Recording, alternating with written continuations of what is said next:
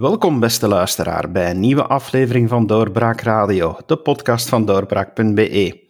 Ik ben uw gastheer David Geens en ik praat vandaag met dokter Lieve van Ermen.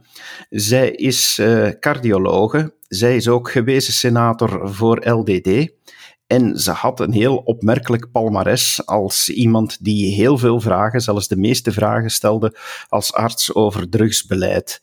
Goeiedag, dokter Van Ermen. Goedemorgen, goeiedag. Dokter Van Ermen, u hebt ons zelf gecontacteerd in een reactie op de podcast die we hebben uitgezonden uh, over drugsbeleid met uh, professor Tom de Korte. En het is altijd geweldig als onze luisteraars reageren, dat appreciëren we enorm. En u had uh, wel heel duidelijk een reactie dat u, dat u zei van kijk, ik, ik ben het echt niet eens met wat daar verteld is. En u wilde zelf een aantal reacties geven over het drugsbeleid. Dus ik neem aan dat we bij wijze van introductie wel kunnen stellen dat u het uh, totaal niet eens bent dat er een oplossing ligt in het legaliseren van drugs. Inderdaad, ik ben er totaal niet mee eens. Uh, ik ken uh, professor De Korte. ik ben een paar keer naar zijn symposia gegaan. En ik vond het rondom stuitend dat een professor van de Rijksuniversiteit Gent vak criminologie symposia organiseert gesubsidieerd door de belastingbetaler, nota bene, als prof van de UNIF en in een mooi pand, namelijk het pand in Gent, uh, thema, uh, symposia organiseert met het thema de kwaliteit van de nederwiet in de lage landen. Als ik dan, ik denk dat ik zeker daar de enigste arts was, opsta op het einde en zeg, ja maar, jullie spreken over de kwaliteit van de wiet, dat er geen pesticiden in mogen zijn, dat er geen schoens meer in mag zijn, enzovoort, enzovoort, dan wil ik u toch nog eens eventjes hardop opperen wat de gevaren van de wiet zijn voor de gezondheid, lichamelijk en geestelijk. Ah, zei een man, zo'n gewaarde man, duidelijk een wietgebruiker. Ja, maar daar hebben we het nu niet over. Oh, ik vond het verschrikkelijk, verschrikkelijk. En in het naar huis rijden ook, uh, dacht ik, hier moet iets mee gebeuren. Dat, dat kan zo niet.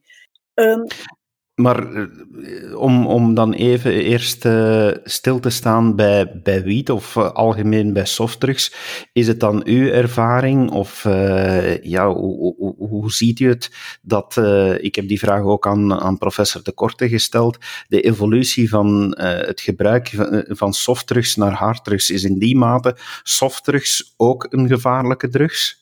Ja, die term soft, dat moet eruit dat is niet soft. Wat is het criteria om te zeggen dat het harddrugs is of softdrugs? Het enigste criteria is dat het uh, bij een overdosage uh, de harddrugs men in coma kan geraken en dood.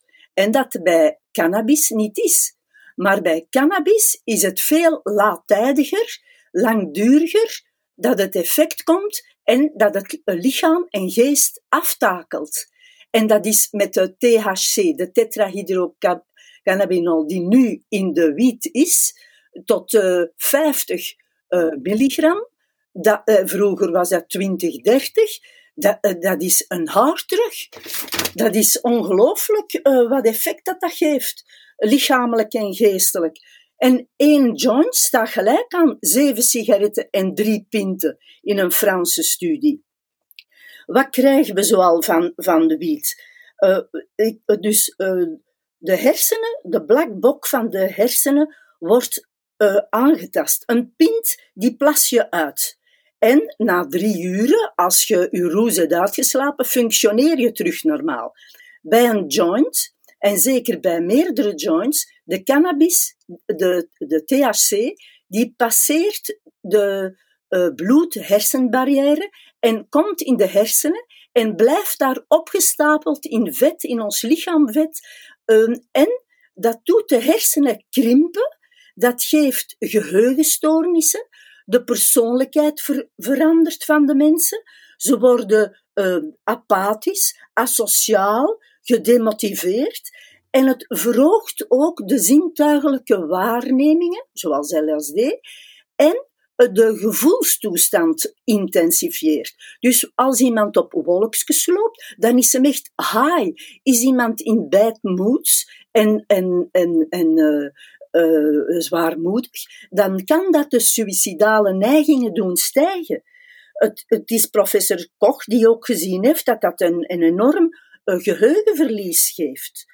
Het is uh, ook in een studie in 1991 uh, bewezen dat men piloten, die gaf men cannabis, een 20 milligram, en ze moesten op een vliegsimulator een vliegtuig doen landen. En ze dachten na zes, acht uur, oh, nu zijn we terug clean. Maar dat was helemaal niet. Ze konden dat vliegtuig niet doen landen. Ze, ze zijn beneveld nog altijd. En het was maar eerst na 24 uur dat ze dat correct konden doen. Dus die cannabis, dat is echt een enorm gevaar. En dat wordt in de media verkeerd voorgesteld. Daar kan ik me zo boos in maken. En wat is er dan net zo verkeerd aan dat men het eigenlijk afdoet als iets puur recreatief, wat, uh, wat eigenlijk niet erger is dan, dan een pintje drinken? Ik, ik zeg het u, wat allemaal de nadelige effecten zijn. En, en dan nog niet te vergeten de psychoses die je ervan kunt krijgen. Dus 1 op 10 tot 1 op 4 doen een psychose. Een psychose is dat je de werkelijkheid niet meer ziet zoals ze is, is dat je een, eh, een, als dat lang duurt, verliest je IQ-punten. Eh, en eh, die, die mensen die cannabis zo intens gebruiken, die graveren, die traceren een neurobiologisch traject in hun hersenen van hunker, van kreving. En die dat altijd meer willen. En die zetten zich op de cannabinoïde receptoren van de hersenen en die vragen altijd maar meer en meer. Hoe, hoe kun je nu iets, zoiets als onschuldig beschouwen? Dat is verkeerd in de media vooropgesteld. Als u nu cannabis vergelijkt met alcohol, eh, zegt u dan dat is even erg of de cannabis is zelfs nog erger? Ik zeg, de cannabis is erger. Ik zeg het, één joint staat gelijk aan drie, zeven, drie pinten en zeven sigaretten. En het doet ook aan de longen zeven keer meer schade. Dus ik weet als arts dat nicotine en als cardioloog een, enorm cardiovasculair risico is. En ook pulmonair. Maar een joint, ik verwijs hierdoor naar wat uh, uh, in de standaard een, artikel schreef uh, een, een, een thoraxchirurg uit Limburg. En die zei, ik werk sinds de jaren 90 in Midden- en Zuid-Limburg. En ik zie met het uh, meer uh, cannabisgebruikers die daar meer en meer zijn, dat ik weet niet hoeveel uh, moet wegsnijden uit de longen.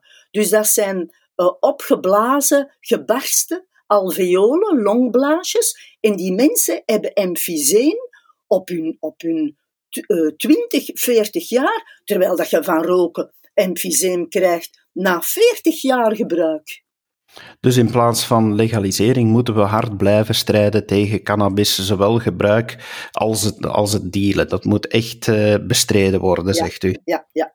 Er, er is ook um, uh, dat, legaliseren. Hè. Uh, professor de, de, ik noem ze de korte en co. Hè. Dus je hebt professor Tijdgat in Leuven, de toxicoloog, een farmacoloog, eigenlijk apotheker, en die wil de medicinale wiet promoveren. Maar die is nu content, want die wil dat niet over de andere medicaties. Sativex is nu op de markt. Uh, professor De Grauwe, die wil alle drugs legaliseren. In Humo zegt hij, uh, ja, je moet iemand op het terrasje van een café zomaar, uh, dat iedereen die kan zien, een heroïnespuit kunnen, kunnen geven bij zichzelf. In de zevende dag zegt hij, het doel is alles te legaliseren, maar laat ons beginnen met het ogenschijnlijke onschuldigste cannabis, dat trouwens helemaal niet waar is. En dan die projecten van, van van eh, legaliseren. Wij wonen hier aan de grens, Kalmthout. wat gebeurde er vroeger? Belgische artsen gaven een voorschrift en dat gingen ze dan halen in een apotheek in Nederland. Maar wat deden die mensen? Uh, die wiet, uh, die gecontroleerde wiet, en dat zegt ook de Belgische farmaceutische bond, de APB, die is sowieso veel duurder dan de straatwiet. Dus ze gingen het gewoon toch op de straat halen. En de straatprijs is veel lager, dus het project is gewoon afgeblazen. Die coffeeshops in Nederland, dat is een project dat mislukt is. Fransen gingen undercover in een coffeeshop wiet halen. Ze konden bij de deur van de coffeeshop al één cocaïne, kilo cocaïne kopen. Ja, dat, dat, waar gaan we naartoe? En ja, er is ook een cobblestone-effect, hè, dat, dat, dat, iedereen kent die wat met drugs te maken heeft. Um, dus dat je van een zachtere drug uh, ook als dat gesatureerd is, dat je dan nadien naar uh, zwaarder drugs overgaat. En je moet maar eens naar een psychiatrieafdeling van psychose gaan. Al die mensen die zijn voornamelijk voor, voor 70% met cannabis in psychose geraakt. En dat doet de, het potentieel van de jeugd en van onze maatschappij uh, zo dalen, zo, dat is zo wraakroepend. En, en dan zeggen ze ja, uh, cultuurgebonden.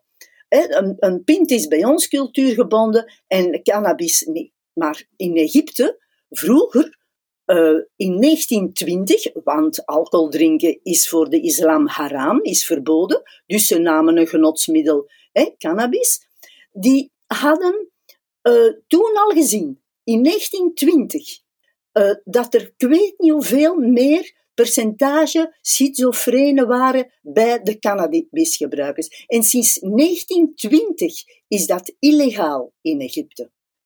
Dan zijn die mensen, in dat, wat dat betreft, wel een beetje slimmer dan wij hier. Hè? En dan niet alleen de emfyseem met het gevaar doen. Weet jij dat er mensen, muzikanten, die ook uh, wiet gebruiken voor de creativiteit, dat die thuis uh, komen en dat die dan bedplassen? Ik heb twee patiënten in de 40 jaar dat ik arts was, die een epilepsieaanval deden op ene keer cannabisgebruik. En cannabisgebruik met epilepsie, dat kan ook de dood veroorzaken met een status epilepticus. En dan niet alleen. De, de, de criminaliteit link. Weet je dat het woord assassin in het Frans en in het Engels, dat dat eigenlijk uh, hashashin is, van het Arabisch, van het, uh, dat dat wil zeggen de hashgebruikers. Dus dat waren in 1090 uh, een secte, een Shiïtische secte, die veel hash gebruikte en die veel hun politieke uh, tegenstanders uitgemoord hebben. De, uh, we leren ook uit de geschiedenis, maar dat doen ze niet. Hier willen ze haantje de voortje zijn, vrijheid, blijheid, legaliseren.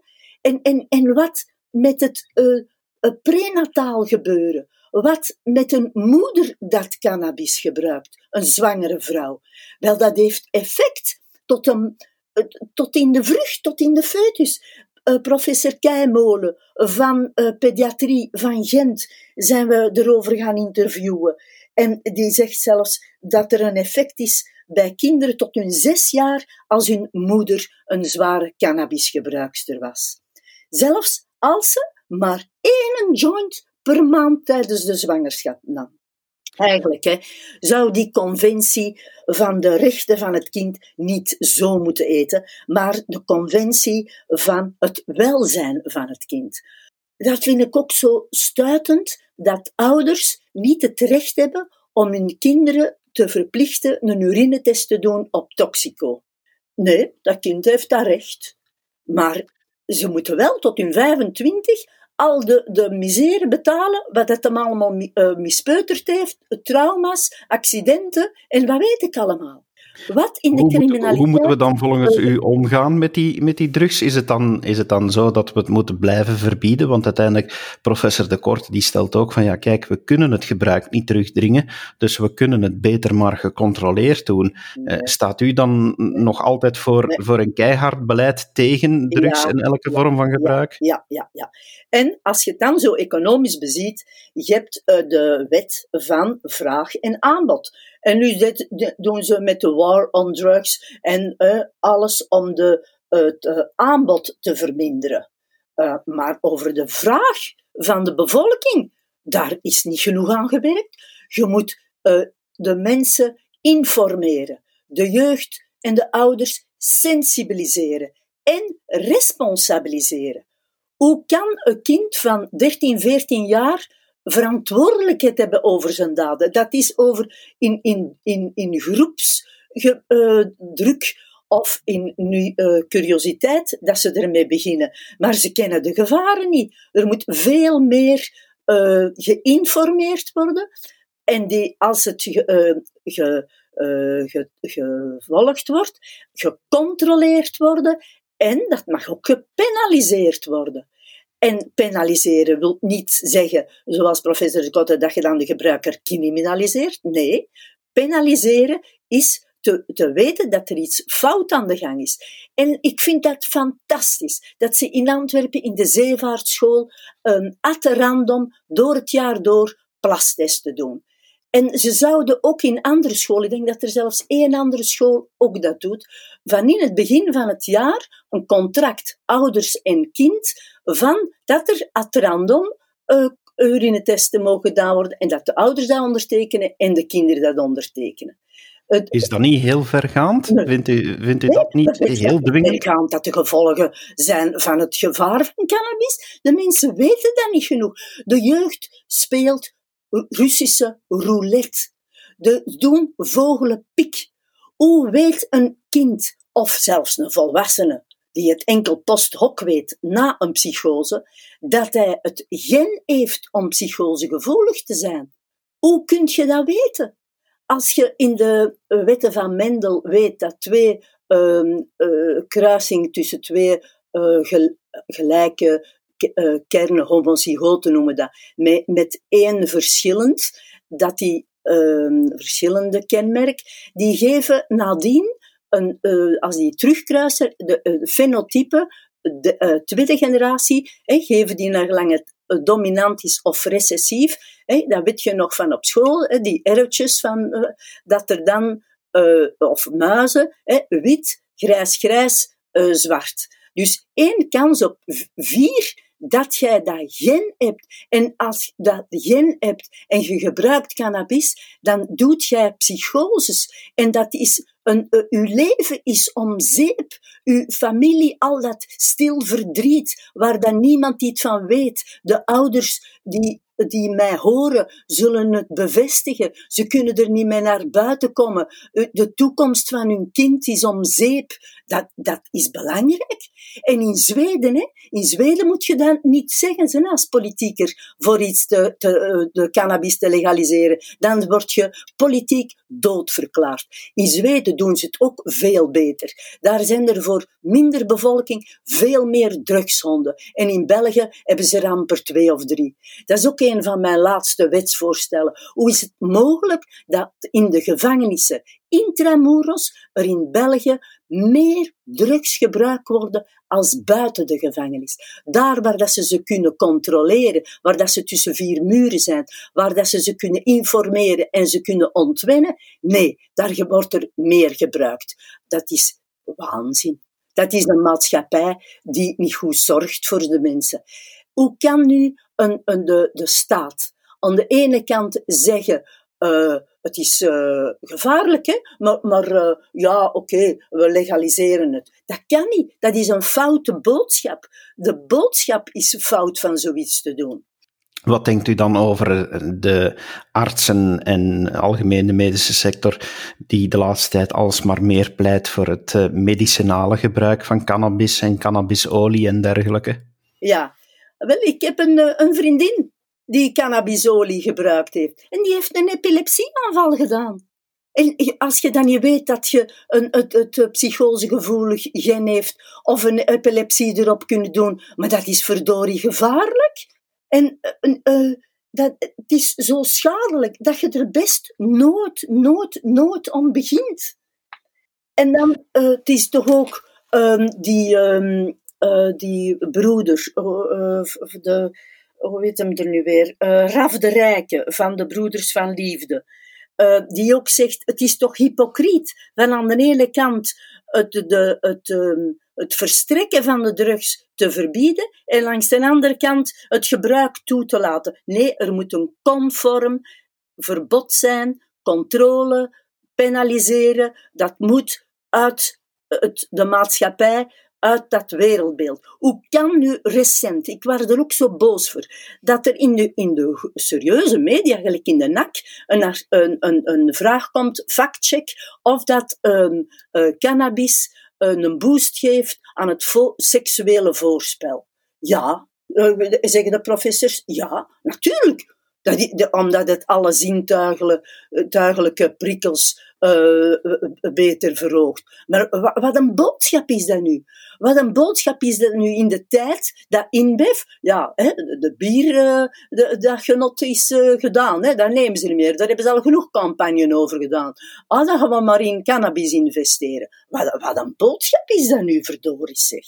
En dan, ja, veel artsen, dat weet ik niet. Als je naar, zelf als onderzoeksjournalist, dan zou bellen naar Melsbroek, naar de MS-kliniek. En dan zegt dokter Meurens daar dat hij helemaal niet het uh, cannabis aanraadt aan mensen met uh, spierspasme voor multiple sclerose. Helemaal niet hoor. Moet de overheid volgens u dan nu veel strenger gaan optreden? Is het echt een, een zero-tolerance beleid dat u, dat u wenst? Ja, ik herhaal het, ja.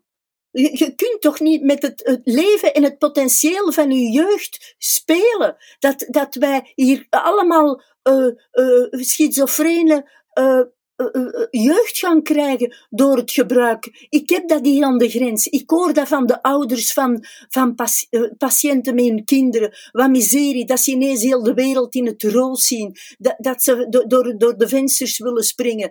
Dat, hun kinderen... Uh, en dan de andere ouders zeggen aan de schoolpoort... Och zeg, is maar een jointje. Hè. Dat is niet waar, dat is verkeerd geïnformeerd. Ik herhaal dat. Zijn er tegenwoordig nog politici die dat uh, een streng beleid voorstaan? Of uh, is het daar tegenwoordig allemaal van, och, uh, we moeten dit maar accepteren? Ja, het, politici, het zijn, zoals gezegd, het is de professor criminologie die dan er studies over doet. Uh, en die dat uh, als, ik weet het niet waarom, een haantje de voortse gedrag dat wil promoten en, en, en, en ook bij wietgebruikers goed in het laadje wil staan. Maar, maar ik denk niet dat iemand nu nog gaat als politicus zijn nek boven de maatschappij gaat steken om daar een eh, flagrant uh, uh, een openbaar verhaal rond te doen. ik, ik zou het hem ten strengste aanraden en ik, ik vind, het, vind het fout. En dan zal ik ermee gaan discussiëren en zal ik zeggen hoe dom dat ze zijn.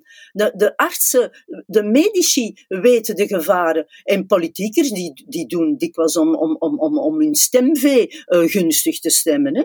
Sorry.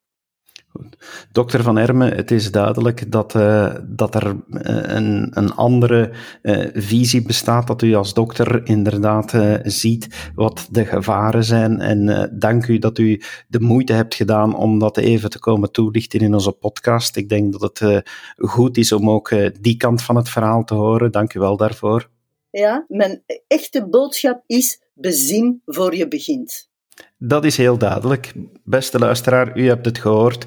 Dokter Van Ermen, die dat uh, een uh, zeer heftig pleidooi houdt tegen het gebruik van cannabis. Hopelijk doet het u eens nadenken daarover. Dank u wel dat u hebt afgestemd op onze podcast en graag tot een volgende keer. Dag. Dit was een episode van Doorbraak Radio, de podcast van doorbraak.be. Volg onze podcast op doorbraak.be/radio of via Apple Podcasts, Overcast of Spotify. Bezoek ook onze website op doorbraak.be en steun ons door een vriend te worden van Doorbraak.